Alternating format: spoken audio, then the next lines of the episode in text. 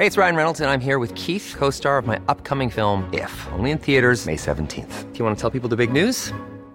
All right, I'll do it. Sign up now and you'll get unlimited for $15 a month in six months of Paramount Plus Essential Plan on us. Mintmobile.com slash switch. Upfront payment of $45 equivalent to $15 per month. Unlimited over 40 gigabytes per month. Face lower speeds. Videos at 480p. Active Mint customers by 531.24 get six months of Paramount Plus Essential Plan. Auto renews after six months. Offer ends May 31st, 2024. Separate Paramount Plus registration required. Terms and conditions apply if rated PG. Hi, I'm Daniel, founder of Pretty Litter. Did you know cats tend to hide symptoms of sickness and pain? I learned this the hard way after losing my cat, Gingy. So I created Pretty Litter, a health monitoring litter that helps detect early signs of illness by changing colors, saving you money and potentially your cat's life. Pretty Litter is veterinarian developed, and it's the easiest way to keep tabs on your fur baby's health right at home. Go to prettylitter.com and use code ACAST for 20% off your first order and a free cat toy. Terms and conditions apply. See site for details. Millions of people have lost weight with personalized plans from Noom, like Evan, who can't stand salads and still lost 50 pounds. Salads, generally, for most people, are the easy button, right? For me, that wasn't an option. I never really was a salad guy. That's just not who I am. But Noom worked for me. Get your personalized plan today at Noom.com. Real Noom user compensated to provide their story. In four weeks, the typical Noom user can expect to lose one to two pounds per week. Individual results may vary.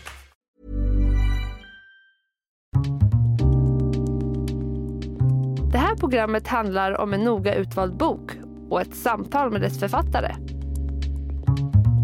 Välkommen till Lära från lärda. Fredrik Hilleborg vid micken och den här veckan har jag en bok i min hand som heter Kärlekens nya lagar. Hur nätdating förändrar våra relationer. Mitt emot mig författaren Marie Bergström. Välkommen. Tack så mycket. Jag brukar alltid börja med att gästen får presentera sig, så vi kör igång där. Ja, så jag är sociolog och forskare vid Demografiska institutet i Paris. Och jag forskar kring frågor om intima relationer, sexualitet, parbildning och eh, digital teknik. Och jag är specialist på nätdating och hur nätdating har förändrat eller inte förändrat eh, våra intima liv. Men det här ämnet ska jag säga är, um, tycker jag är väldigt intressant. Jag, jag har haft lite andra böcker genom åren som har tassat runt kring det här, men som jag sa till dig innan, jag tycker du, den här boken nailar mycket spännande områden som vi ska prata om. Ja, det är ju jätteroligt att höra. Hur har boken växt fram? Ja, alltså det här började ju som ett forskningsprojekt och jag började 2007. Så då var ju nätdating relativt nytt, men det började ju redan bli stort.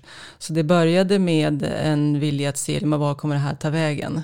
Uh, hur kommer det utvecklas? Vilka använder de här plattformarna? Och uh, ja, hur får, vad får det för konsekvenser för våra, våra relationer?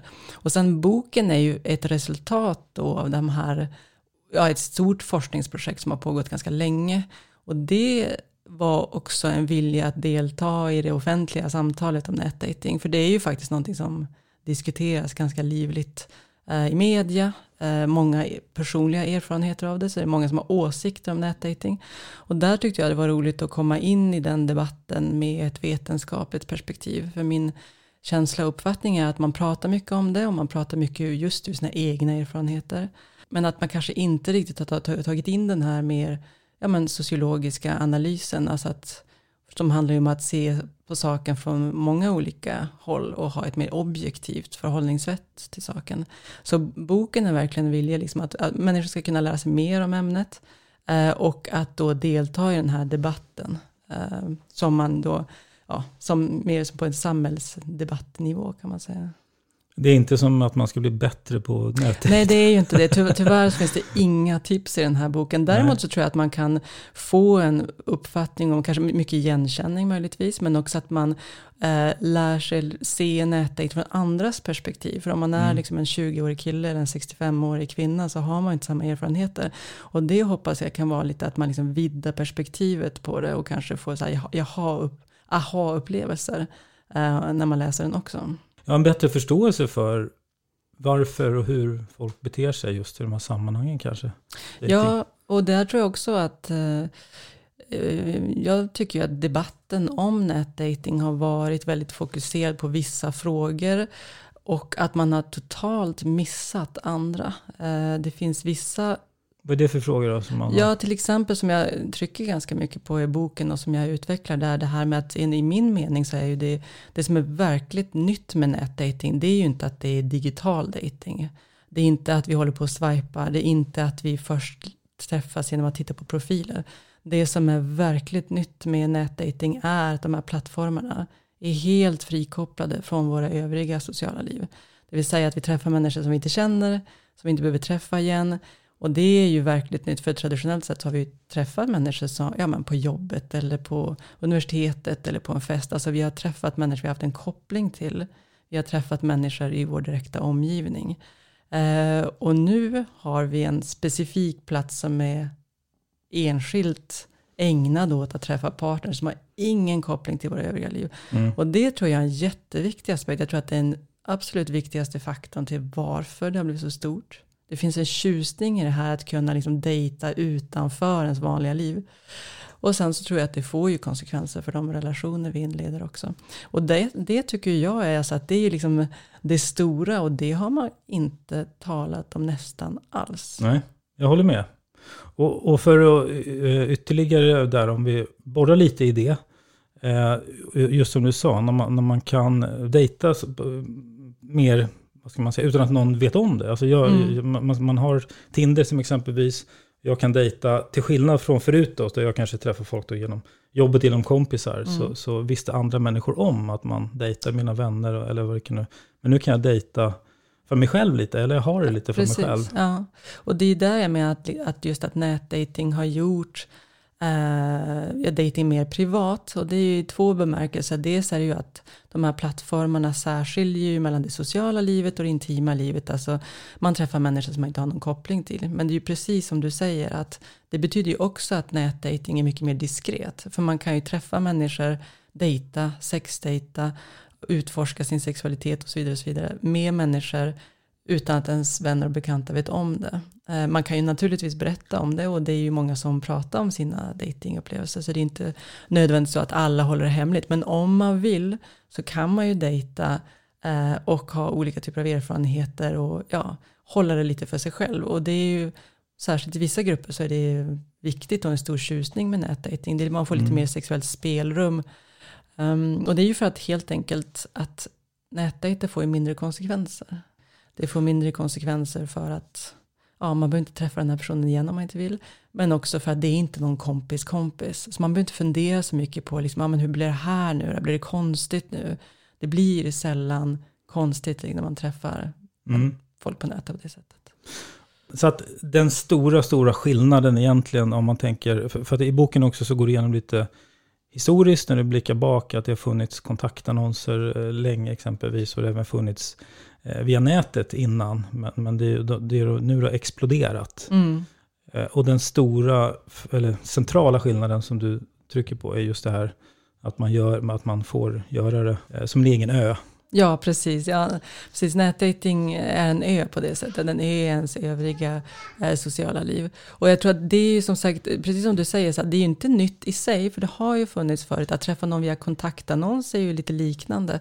Eh, att träffa någon via en äktenskapsmäklare som fanns förut är ju också lite liknande. Det var ju också att liksom gå bortom ens bekantskapskrets eh, för att träffa nya partners. Men, men det man ska veta är att de här tidigare formen av kontaktförmedling, det finns egentligen inget västerländskt land där det verkligen slog igenom.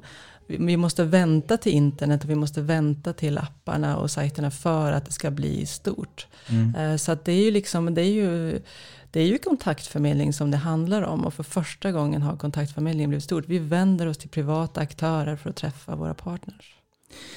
En annan del, eh, jag tänker på det här med att det är just privata aktörer. Och det har varit lite diskussioner också som du är inne på boken, där med eh, att det blir som en marknad. Att liksom datingen har blivit någon slags marknadsföring av sig själv. Eller, alltså det är marknadskrafter som är mer styrd, det är företag mm. som gör mm. apparna och sådär. Mm.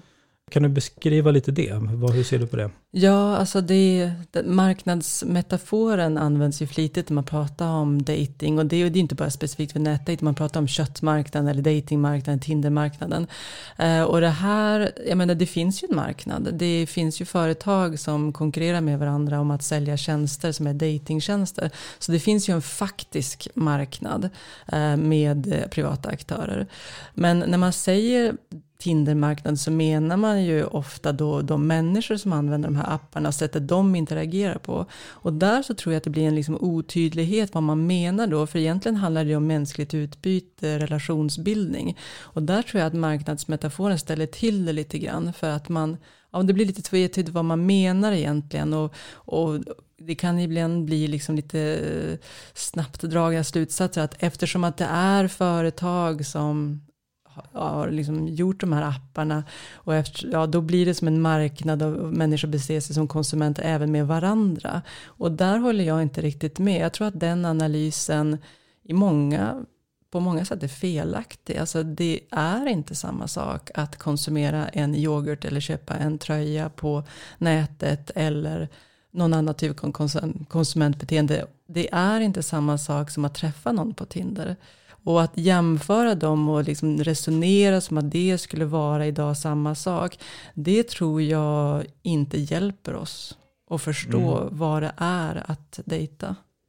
Så den här jämförelsen med konsumentbeteende, den tror jag är enkel. Jag tror att den är, det är en enkel ja, vad ska man säga, det är en enkel tråp, det är en enkel eh, bild av det hela, eh, det är en enkel kritik av det. Men jag tror inte att den hjälper att förstå eh, fenomenet. Det jag också kommer att tänka på när man pratar om det med marknad, det är ju att det här med vad Tinder har gjort, nu, nu säger jag Tinder, men mm. datingappar då, eh, utbudet är större. Mm. Och då, då brukar man prata om ju större utbud, desto svårare att bestämma sig. Mm. Eh, som det gäller det mesta i livet. Mm. Eh, och det här swipandet, att det blir en sån här evighetskarusell av det där. Mm. För det går väl lite in kanske också i den där marknadsdiskussionen, men också att vad det har gjort med användarna. Ja.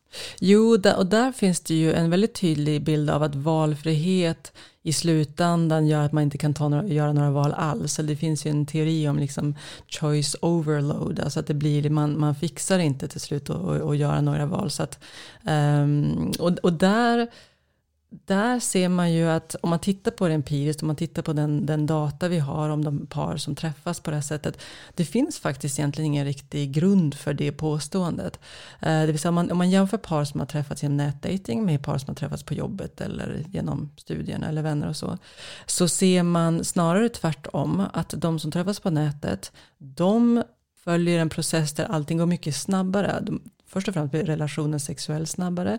Eh, men sen är det också så att de här paren tenderar ofta att ja, men förlova sig snabbare, tala om giftermål snabbare, skaffa barn, börja planera för barn snabbare. Så det är snarare så att de binder sig fortare än andra par. Så där tror jag, jag tror att man har missat lite. Det här med att ehm, det är, jag tror att det, det, är två saker som är sanna samtidigt. Det första är ju att vi sexdejtar mycket på de här apparna. Det är många relationer som inleds, det är många relationer man vet inte vad det ska ta hän och man vet inte, och man är kanske inte överens om vad man, vad man vill med relationen. Det stämmer och det kan ju ge då liksom en, en känsla av att det är någon sorts överflöd och blir liksom aldrig någonting av det. Men samtidigt är det ju så att de som faktiskt vill träffa någon och som träffar någon annan som också är intresserad av att bilda par, då går det väldigt fort. Mm. Så jag tror att den här, det har ju också varit en diskussion om de här liksom kanske-männen och, ja, och att just, ja, det här liksom tanken om att att eh, nätdejten skulle göra människor ja, men obeslutsamma. Jag tror att man måste eh, konstatera att det finns olika faser i livet. Det finns faser då man inte riktigt vet vad man vill. Det mm. finns faser då man vet mycket väl vad man vill. Att man antingen bara vill ha något som inte är seriöst. Eller att man verkligen vill hitta någon. Och där är det ju så att vi vi är ju olika faser i livet och vi träffar människor som inte alls är i samma fas som oss. Så det är ju inte alls säkert att vi är på samma spår som andra. Och att jag, om jag vill träffa någon är väldigt eh, ja, mån om att göra det och sen träffar jag massa människor som kanske inte riktigt vet vad de vill. Ja, då är det ju förstås svårt och det kan vara väldigt obekvämt och man kan bli frustrerad. Men mm. det betyder ju i sig inte att ja, de här apparna skulle ha gjort det omöjligt att, att träffa någon. Och man vet ju då att de, de leder ju till mycket parbildning. Mm. Så ja, jag tror att det är liksom, jag tror att man måste se det från att det, man kan vara ute efter olika saker.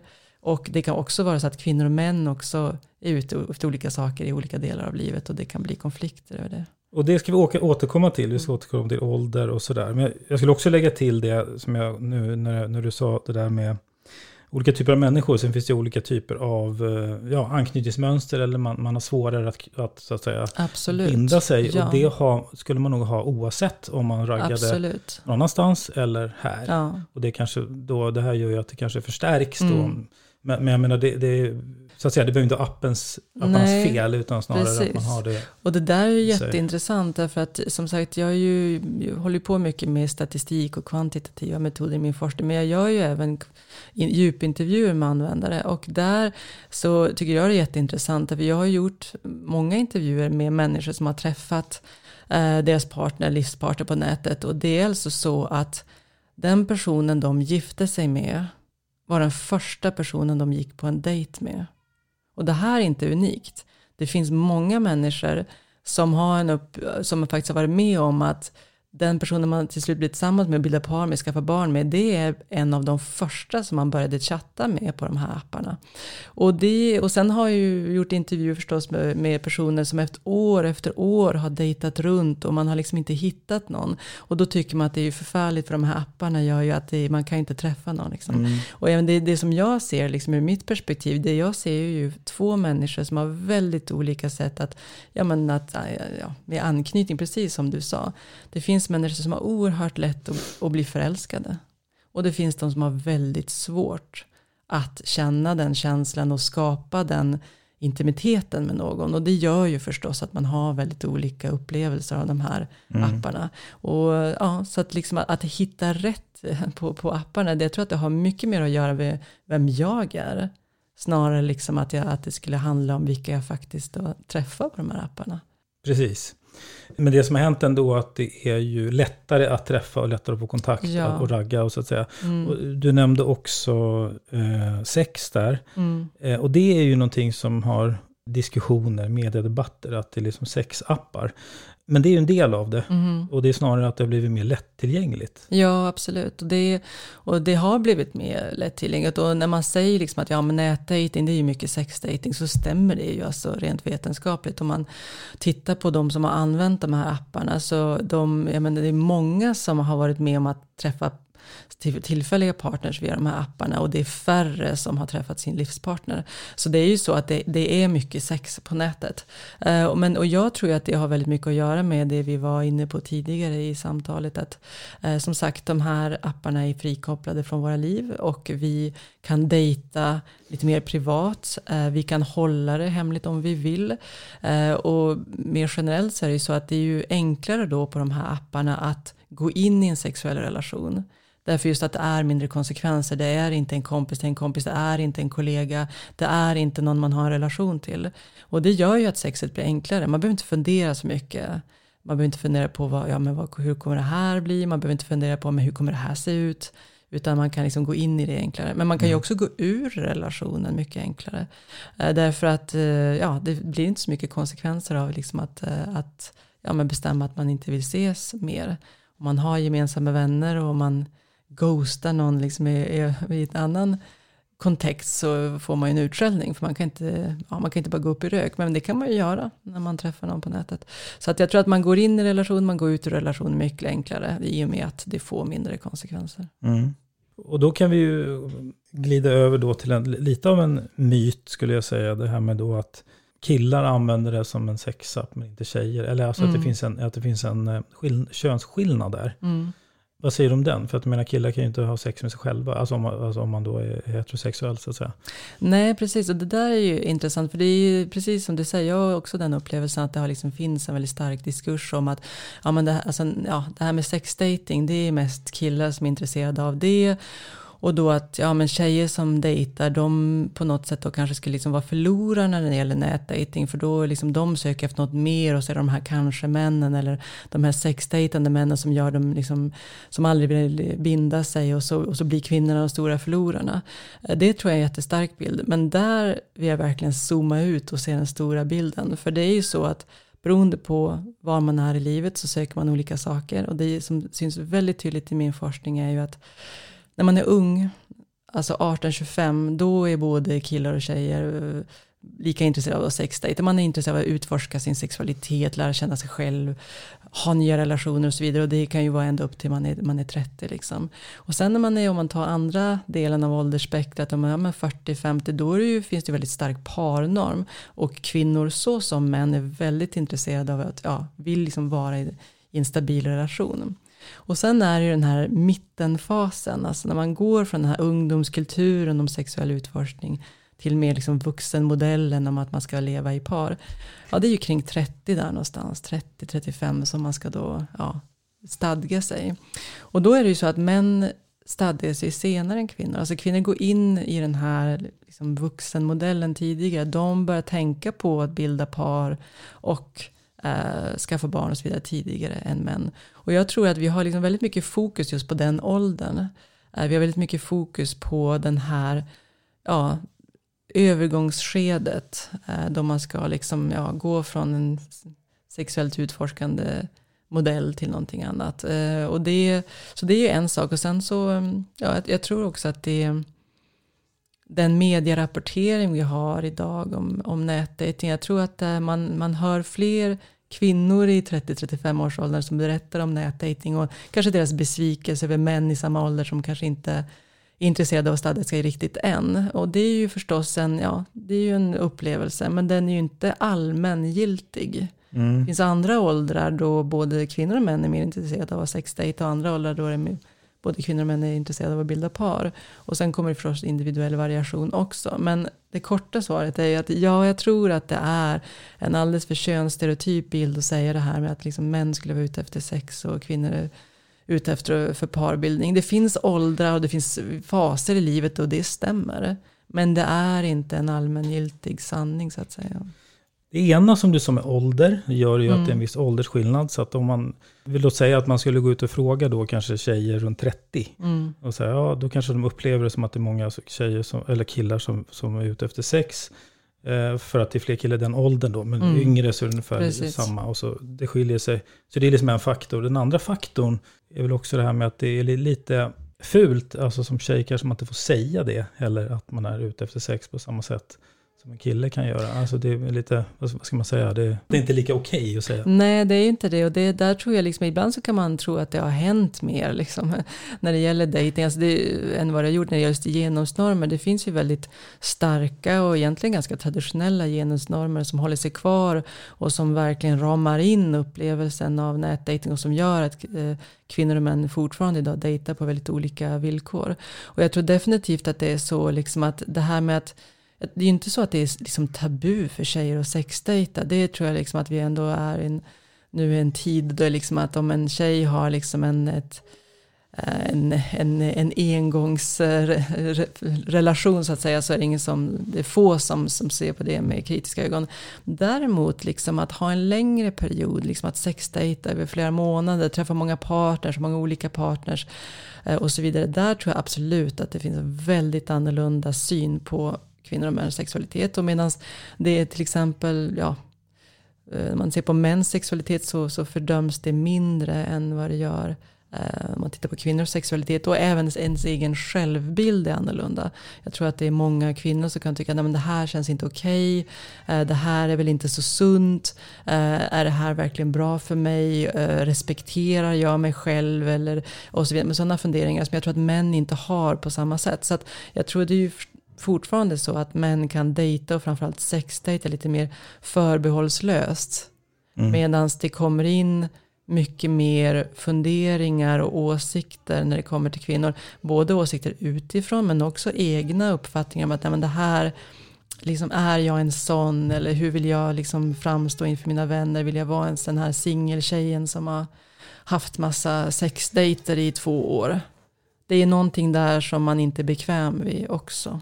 Mm. Och då pratar man kanske inte om det lika enkelt heller. Ett annat exempel på det som också, det är om man, när man frågar killar och tjejer som går på krogen, Mm. eh, då kan killar säga så här att man ska ut och ragga, Mm. men tjejer säger att de ska ut och ha kul och dansa. Mm. Det, det, menar, någonstans så är, det ingår, men det är inget man Mm. säger uttalat. Nej, och där tror jag liksom att det, det är ju verkligen så att även om vi har kom, ja, även om vi har en, en större jämlikhet när det gäller sex och relationer idag, alltså att just att det är de absolut mest könsstereotypa normerna kring, kring dating och så kanske, kanske har mattats av, men det är ju fortfarande så att kvinnor som har en eh, uttrycksfull sexualitet, de riskerar ju fortfarande att skambeläggas och att få ett dåligt rykte. Alltså ryktet om slampa, ryktet om att vara en hora eh, är någonting som lever kvar. Eh, man ser ju naturligtvis tydligast bland unga för det är där man säger de elakaste sakerna till varandra. Men även bland vuxna så kan man tala ganska illa om tjejer som just har, som då man tycker för många partners eller att de är för sexuellt utmanande och så vidare. Och eh, män, män utsätts ju inte för samma åsikter. Det kan vara så, det finns ju olika namn. Man, man kan ju kalla en kille för fuckboy eller en player. Men, men det är inte riktigt samma sak. Alltså det, det, det är ju så att då kanske tjejerna inte tycker att man är så intressant för man liksom ja, varit med för många. Men däremot så kan det ju vara liksom lite en heders eller så här statussymbol bland andra män och liksom så här, men han är en player, man kanske är lite avundsjuk på en player också. Så att det finns ju någonting positivt i den, liksom den manliga eh, ja, formen av liksom en uttrycksfull sexualitet som inte riktigt finns. Det är liksom inte coolt att vara en slampa, men det är ju coolt, det kan vara coolt att vara en player. Hey, I'm Ryan Reynolds. Recently, I asked Mint Mobile's legal team if big wireless companies are allowed to raise prices due to inflation. They said yes. And then when I asked if raising prices technically violates those onerous two year contracts, they said, What the f are you talking about, you insane Hollywood ass? F- So to recap, we're cutting the price of Mint Unlimited from $30 a month to just $15 a month. Give it a try at mintmobile.com slash switch. $45 upfront for three months plus taxes and fees. Promo for new customers for limited time. Unlimited more than 40 gigabytes per month. Slows. Full terms at mintmobile.com. Hey, it's Paige DeSorbo from Giggly Squad. High quality fashion without the price tag. Say hello to Quince. I'm snagging high-end essentials like cozy cashmere sweaters, sleek leather jackets, fine jewelry, and so much more. With Quince being 50 to 80% less than similar brands. And they partner with factories that prioritize safe, ethical, and responsible manufacturing. I love that. Luxury quality within reach. Go to quince.com slash style to get free shipping and 365 day returns on your next order. Quince.com slash style. Hey, it's Ryan Reynolds, and I'm here with Keith, co star of my upcoming film, If, only in theaters, May 17th. Do you want to tell people the big news? All right, I'll do it. Sign up now and you'll get unlimited for $15 a month in six months of Paramount Plus Essential Plan on us. Mintmobile.com slash switch. Upfront payment of $45 equivalent to $15 per month. Unlimited over 40 gigabytes per month. Face lower speeds. Videos at 480p. Active Mint customers by 531.24 get six months of Paramount Plus Essential Plan. Auto renews after six months. Offer ends May 31st, 2024. Separate Paramount Plus registration required. Terms and conditions apply if rated PG. Jag tänker vi, vi måste också hinna med, vi ska prata om klass, vi ska prata också om eh, olika beteenden då, som du kom in lite på nu. Men, men jag tänkte om vi ska zooma in lite på olika typer av beteenden. Vi kan börja med det här att på mapparna så är det alltid killen som ska ta initiativ och liksom driva samtalet. Eh, och det, men, men det liksom är, är ingenting som är nytt här, utan det är ganska allmänt inom raggningssfären, så att säga. Ja, ja där är ju en, en, en gammal norm, eller man kan kalla det för en uppvaktningsritual, som i en heterosexuell kontext bygger på att det är han som ska ta första steget, det är han som ska ta initiativet. Och det är någonting som man ser liksom, ja, men på barer och på klubbar, men man ser ju också på datingappar.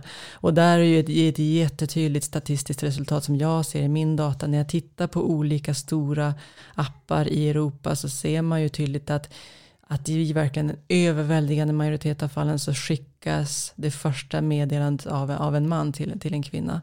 Eh, så i Sverige till exempel så är det ju åtta fall av tio som, som det första meddelandet skickas av honom till henne så att säga.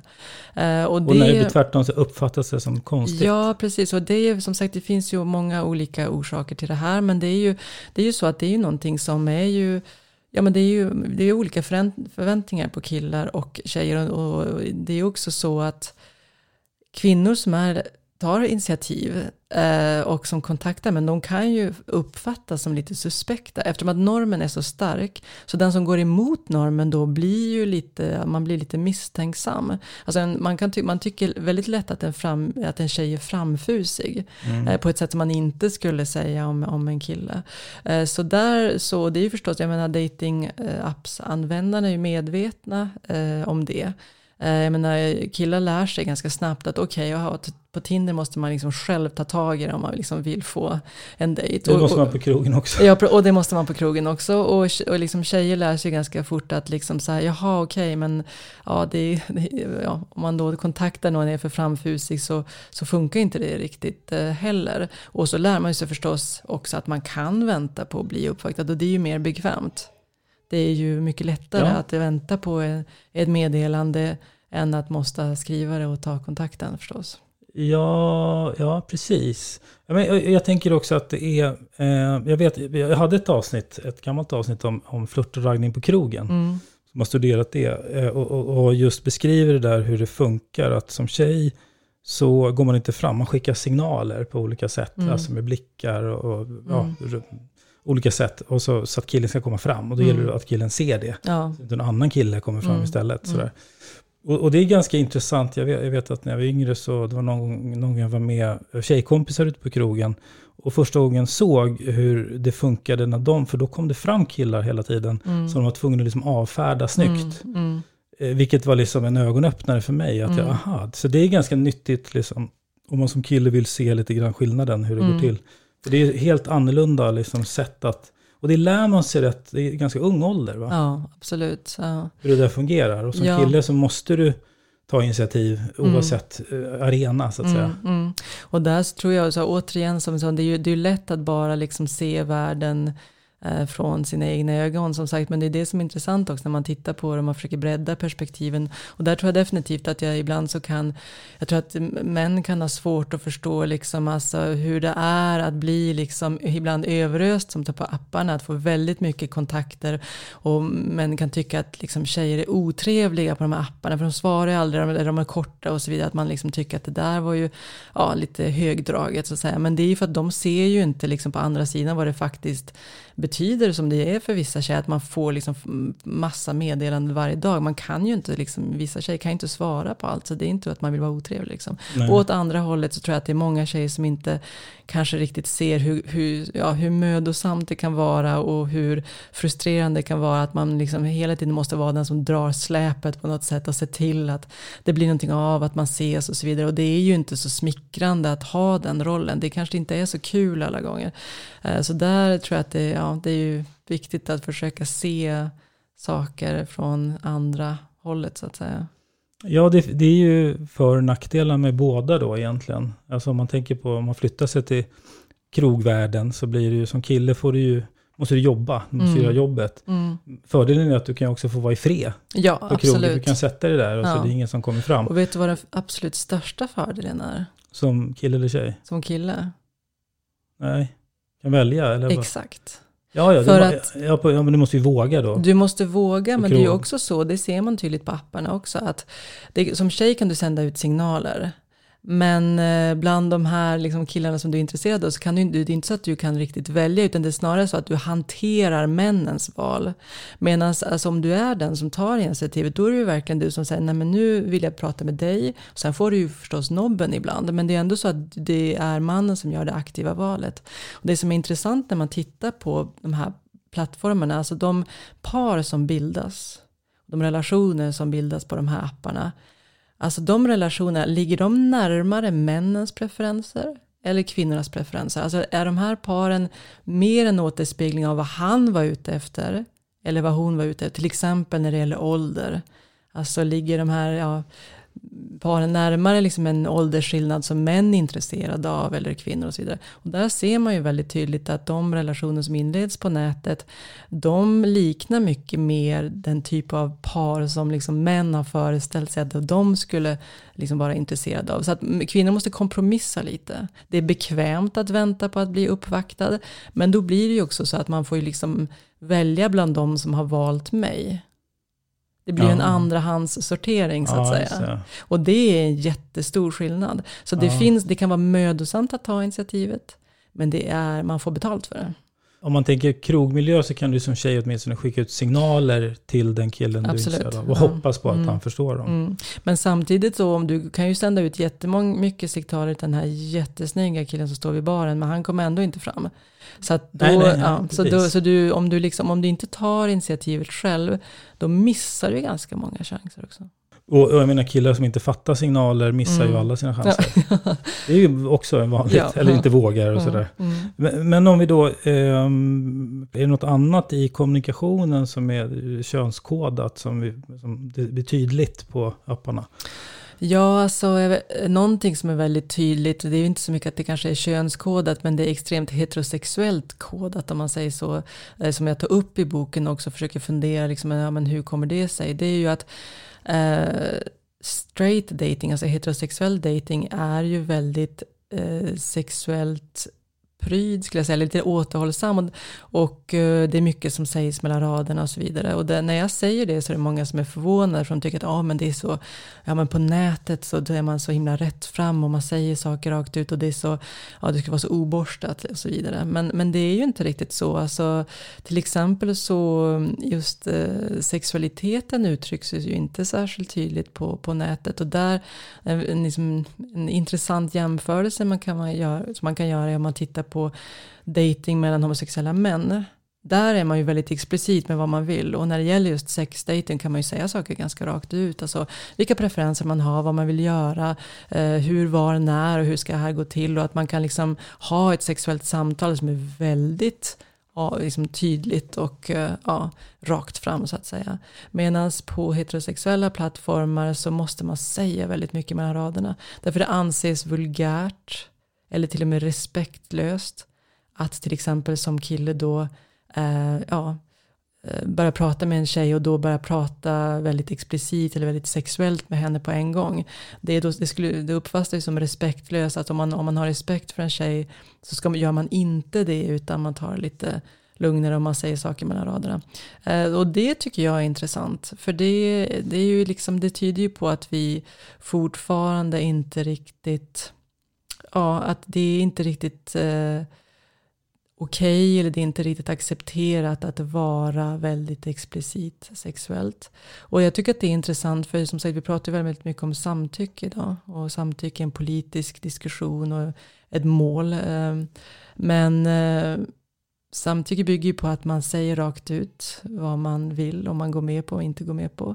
I verkligheten så är ju heterosexuell dating mer tvetydig.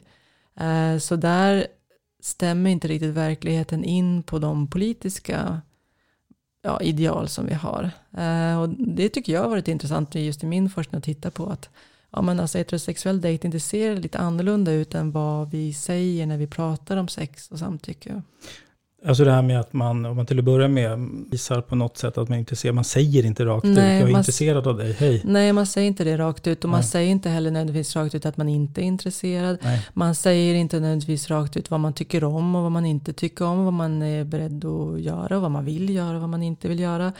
Uh, och det... Uh, för det är ju ofta, man säger man ju då i min heterosexuella kontext att det skulle vara oerhört osexigt att börja prata om sex. Och det är ju lite roligt att det är osexigt med sex. Men det är ju mm. det att det är liksom heterosexuell dating bygger ganska mycket på liksom att, att det ska vara ja, men underförstått.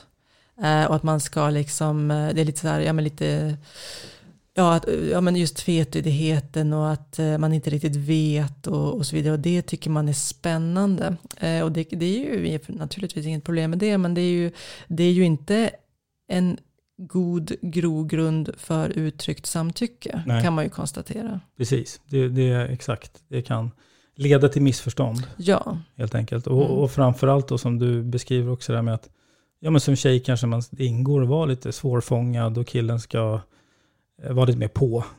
Ja, precis. Och det är ju någonting som jag har tittat väldigt mycket på. Hur jag, som sagt, hur kvinnor och män, eh, ja, vad man förväntar sig av varandra. Och det är ju definitivt så att man, ja, det förväntas inte av kvinnor att de ska vara initiativtagande och det förväntas snarare att de ibland ska vara lite avfärdande, alltså att det är lite spännande med en tjej som inte är direkt tillgänglig och så vidare. Det här är jättegamla normer som man ser fortfarande på nätet eh, och eh, och det gör ju att, ja, det gör ju att man kommer till en situation där det ibland ja, men det blir gråzoner som man brukar kalla det. Alltså det blir kontext där det ja, det uppstår situationer som man blir obekväm med. Och just att det är då att man inte kan prata om det eller att man inte liksom kan säga rakt ut vad man vill och vad man inte vill. Ja, det, då, då är det ju svårt att liksom, ja, det blir ju situationer som kan bli väldigt jobbiga. Alltså det kan ju leda till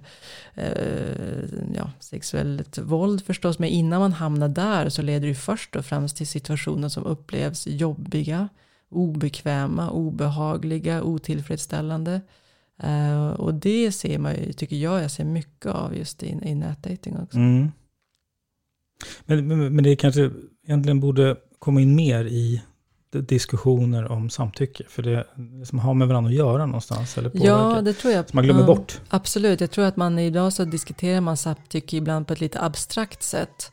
Ja. Utan att titta på, men hur beter sig faktiskt folk när de dejtar? Jag tror att samtidigt är det ju förstås, det är ju, man, samtycke tror jag att det är ju liksom en, en alla, är, alla är överens om att det är viktigt med samtycke. Men det som, det som är intressant liksom ur ett vetenskapligt perspektiv också är att gå in och titta hur uttrycks viljan eller oviljan till vissa att delta i vissa sexuella akter och i en heterosexuell kontext så är det inte alltid att saker och ting uttalas. Det förväntas att man ska förstå. Det är som att man ska dansa en dans tillsammans och bara känna av varandras kroppsrörelser utan att säga nej men nu går vi till höger, nu går vi till vänster, nej men nu vill inte jag mer utan man ska bara känna av saker. Och det gör man ju ofta. Alltså det, är, det är ju kroppsspråk och allt det, det är ju jätteviktigt och det funkar ju ofta men det funkar inte alltid. Eh, och då är det här med att, man, att det är osexigt att prata om sex eller att säga rakt ut vad man vill. Då, ja, mm. det, det kan ju vara problematiskt. Det här med klass är väldigt intressant. Det har liksom följt mig genom åren i podden. Och du kom in på det tror jag lite när du pratar om det här med att eh, apparna har ju också öppnat upp för att man kan träffa folk från helt andra bakgrunder, eh, andra klasser, sociala mm. klasser. Som man normalt kanske inte träffar. För att alla människor umgås i, med likasinnade där man, eller i mm. området där man bor och så vidare. Och, och, och, det är lite av en fråga som också kanske har lyft upp. Åh, det finns en möjlighet för det. Men, mm. men, samtidigt så dras vi oss fortfarande till lite likasinnade. Jag tänker på det här med klass just. Mm. Som du beskriver framförallt liksom hur man kommunicerar. Vilket tycker jag, mm. jag tycker var spännande. Mm. Eh, hur, hur, ser du det där med, med klass? I ja, nej, men det, är ju, det är ju också eh, spännande. För det är, ju, det är ju så att på nätet och på de här apparna så träffar man ju som sagt människor som man inte känner som är utanför ens bekantskapskrets. Så man kan ju tänka då, eller man kan ju tycka att teoretiskt så borde det öppna upp för parbildning mellan människor som är väldigt olika varandra. Men det man ser är ju att det är inte det som händer. Utan även på apparna och även om de här apparna har en ganska mångfacetterad användarbas. Att det finns människor med väldigt olika bakgrunder. Så ser man ju att eh, människor tenderar att chatta och framförallt då dejta och bilda par med människor som liknar dem själv socialt. Alltså man har en, en liknande utbildningsnivå, en liknande eh, inte nödvändigtvis samma yrke men att man är från samma samhällsklass om man säger så. Och det beror ju på många olika saker. Eh, det beror ju på dels segregering, alltså mm, olika sociala grupper använder olika appar. Eh, det handlar också om geolokalisering, alltså om man slår på Tinder på Södermalm så träffar man inte samma personer som om man sätter på Tinder i Hjulsta eller någon annanstans eller i Kiruna. Så att det är ju, de här geolokaliseringen gör ju också att man, man, man träffar, större chans att träffa vissa personer.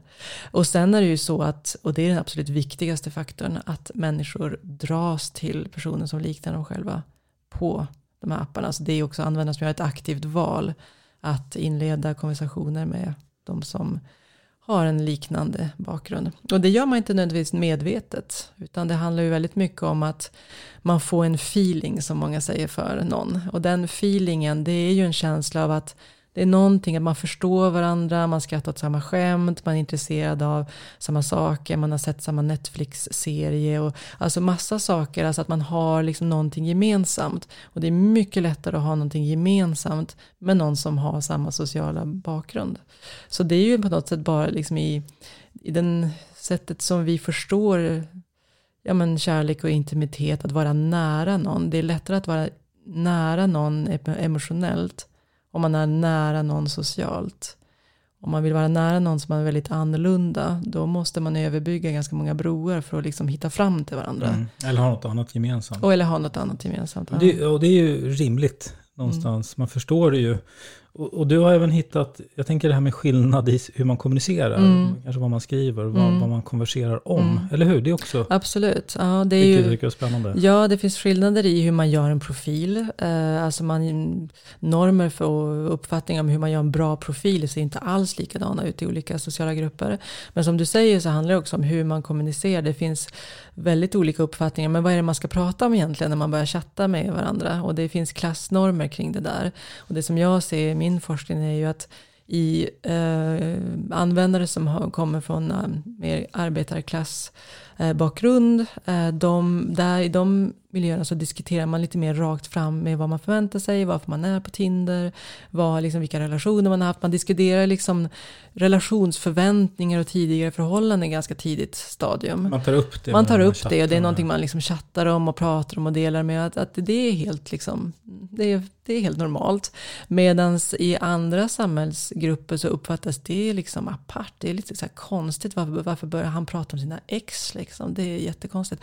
Och samma sak som att det här här med komplimanger. Liksom, det finns ju olika sätt att ge varandra komplimanger i olika samhällsgrupper. I vissa grupper, återigen om man tittar på eh, grupper med lägre ekonomiskt och kulturellt kapital så kan det vara väldigt viktigt med komplimanger. Att man säger Särskilt då män som säger, men gud, du är så vacker och du är så fin och att man verkligen uttrycker liksom, så här, shit vad snygg du är liksom, och att man säger det rakt ut. Medan i andra grupper så kan man liksom, måste man vänta lite med det och man, man får inte vara för rakt på liksom. Och det är då bättre liksom att vara lite mer Ja men att eh, få personen att förstå att man är intresserad men inte bara liksom så här, så här men eh, du, ja, du är så snygg och så eller du är så, jag är intresserad av dig, liksom, och att vara rakt fram. Mm. Så där finns det helt enkelt så, ja som sagt, man, ibland säger man att dating är ett spel, ett datingspel. Och det är, man säger ofta att det är regler, reglerna är olika för kvinnor och män och det stämmer. Men alltså de regelboken ser också annorlunda ut beroende på klass. Uh, man har inte samma uppfattning om hur man faktiskt ska spela det här spelet tillsammans. Man kommunicerar helt enkelt på olika sätt. Mm. Och det kan man ju se på andra arenor också. Absolut. Om du, när du pratar med folk så, mm. så mm. Eh, får man en uppfattning om social klass ja. bakgrund, utbildningsnivå och sådär. Precis, och det är någonting som jag tycker är slående det är ju att eh, det är ju också så att i olika sociala grupper så träffas man på olika sätt. Till exempel har det ju många länder alltid varit vanligare i, om man säger en arbetarklassmiljö, att träffas liksom på offentlig plats. Men att man går upp till någon på gatan och säger så här, shit vad snygg du är, eller så här, tjena, liksom, att man har en ganska, ja man träffas, och det har att göra med, ja men om man träffas på gatan, om man inte går fram och säger att man är intresserad, då kommer man aldrig träffa personen igen. Så att det finns liksom att man träffar, man man träffas på offentlig plats och då är man ganska öppen med vad man vill. Men i vissa miljöer liksom så skulle det uppfattas som nästan en Alltså nästan en aggression, alltså det, att någon skulle gå upp till en och säga, liksom börja ragga på en på tunnelbanan eller på, på gatan, det skulle ju uppfattas som, som nästan obehagligt. Eller, ja. Så, så det, där tror jag att det, ibland så ligger man väldigt långt ifrån varandra när det kommer till så här, vad är acceptabelt och vad är normalt. Eh, även på krogen så tror jag att det kan finnas skillnader, så här, hur går man upp till någon, att man går upp till någon på krogen, det är inte heller i alla grupper som, som man tycker att det, att det liksom är okej. Okay. Mm. Jag tänkte jag skulle också vilja hinna prata om det här med eh, ålder och, och, kanske vilka som är liksom, vad ska man säga, förlor, vinnare och mm. förlorare. Mm. För, för, du tror du var inne på det lite tidigare där med, med yngre killar framförallt. Men mm. du har ju tittat på det där med ålder och lite mm. olika beteenden för mm. olika åldersgrupper. Ja.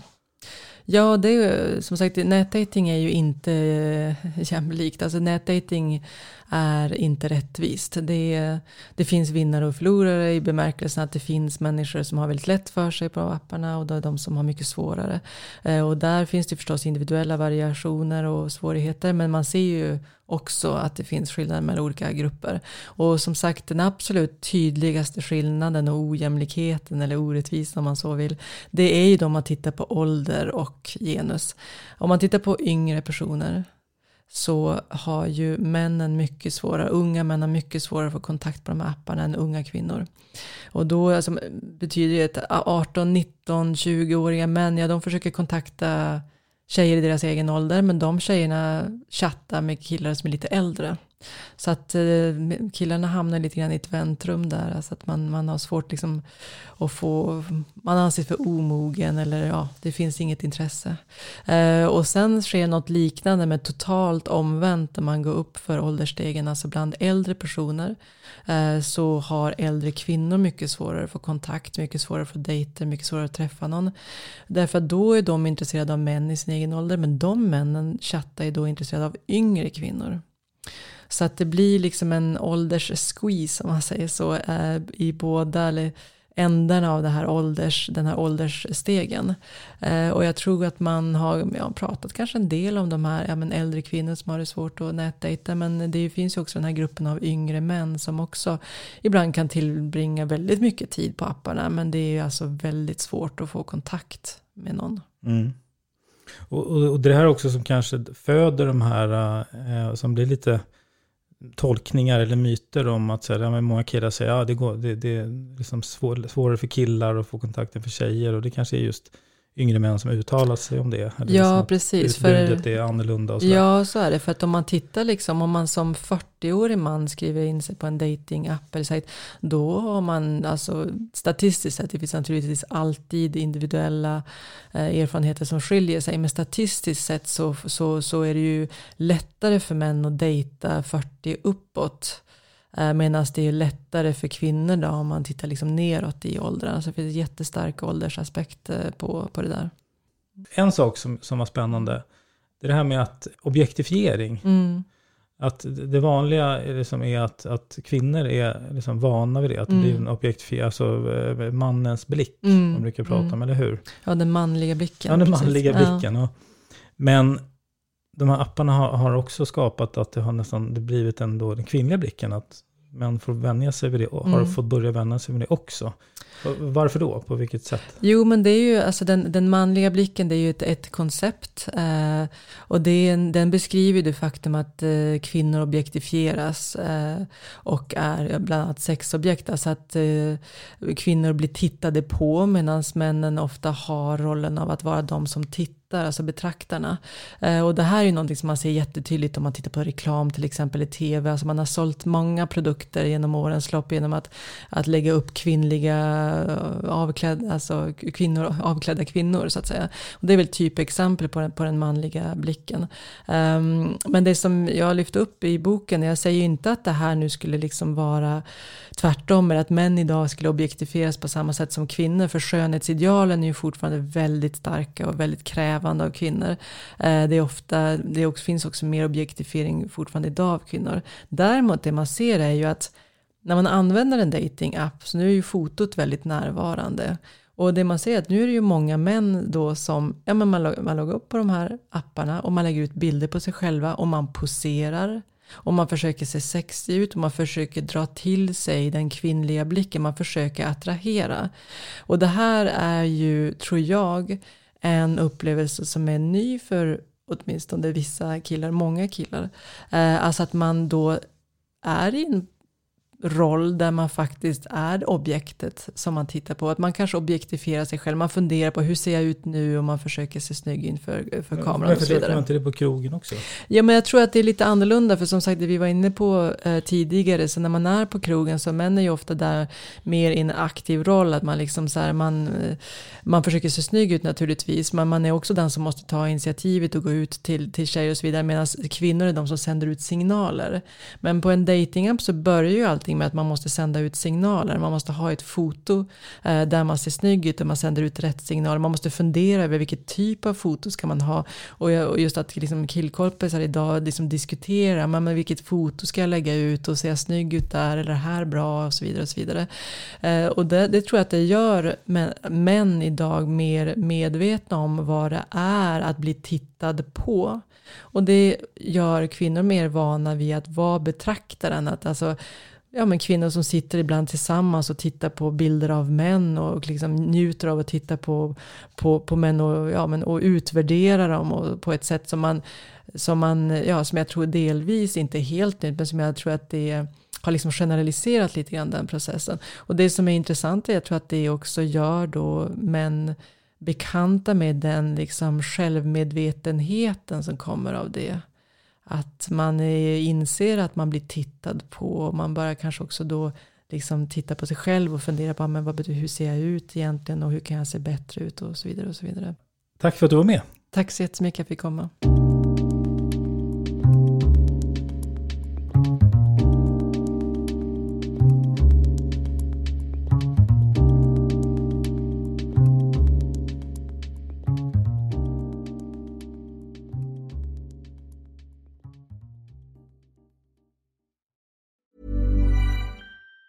Planning for your next trip? Elevate your travel style with Quince. Quince has all the jet setting essentials you'll want for your next getaway, like European linen, premium luggage options, buttery soft Italian leather bags, and so much more. And it's all priced at 50 to 80% less than similar brands. Plus, Quince only works with factories that use safe and ethical manufacturing practices. Pack your bags with high-quality essentials you'll be wearing for vacations to come with Quince. Go to quince.com slash trip for free shipping and 365-day returns. Hi, I'm Daniel, founder of Pretty Litter. Cats and cat owners deserve better than any old-fashioned litter. That's why I teamed up with scientists and veterinarians to create Pretty Litter. Its innovative crystal formula has superior odor control and weighs up to 80% less than clay litter. Pretty Litter even monitors health by changing colors to help detect early signs of potential illness. It's the world's smartest kitty litter. Go to prettylitter.com and use code ACAST for 20% off your first order and a free cat toy. Terms and conditions apply. See site for details.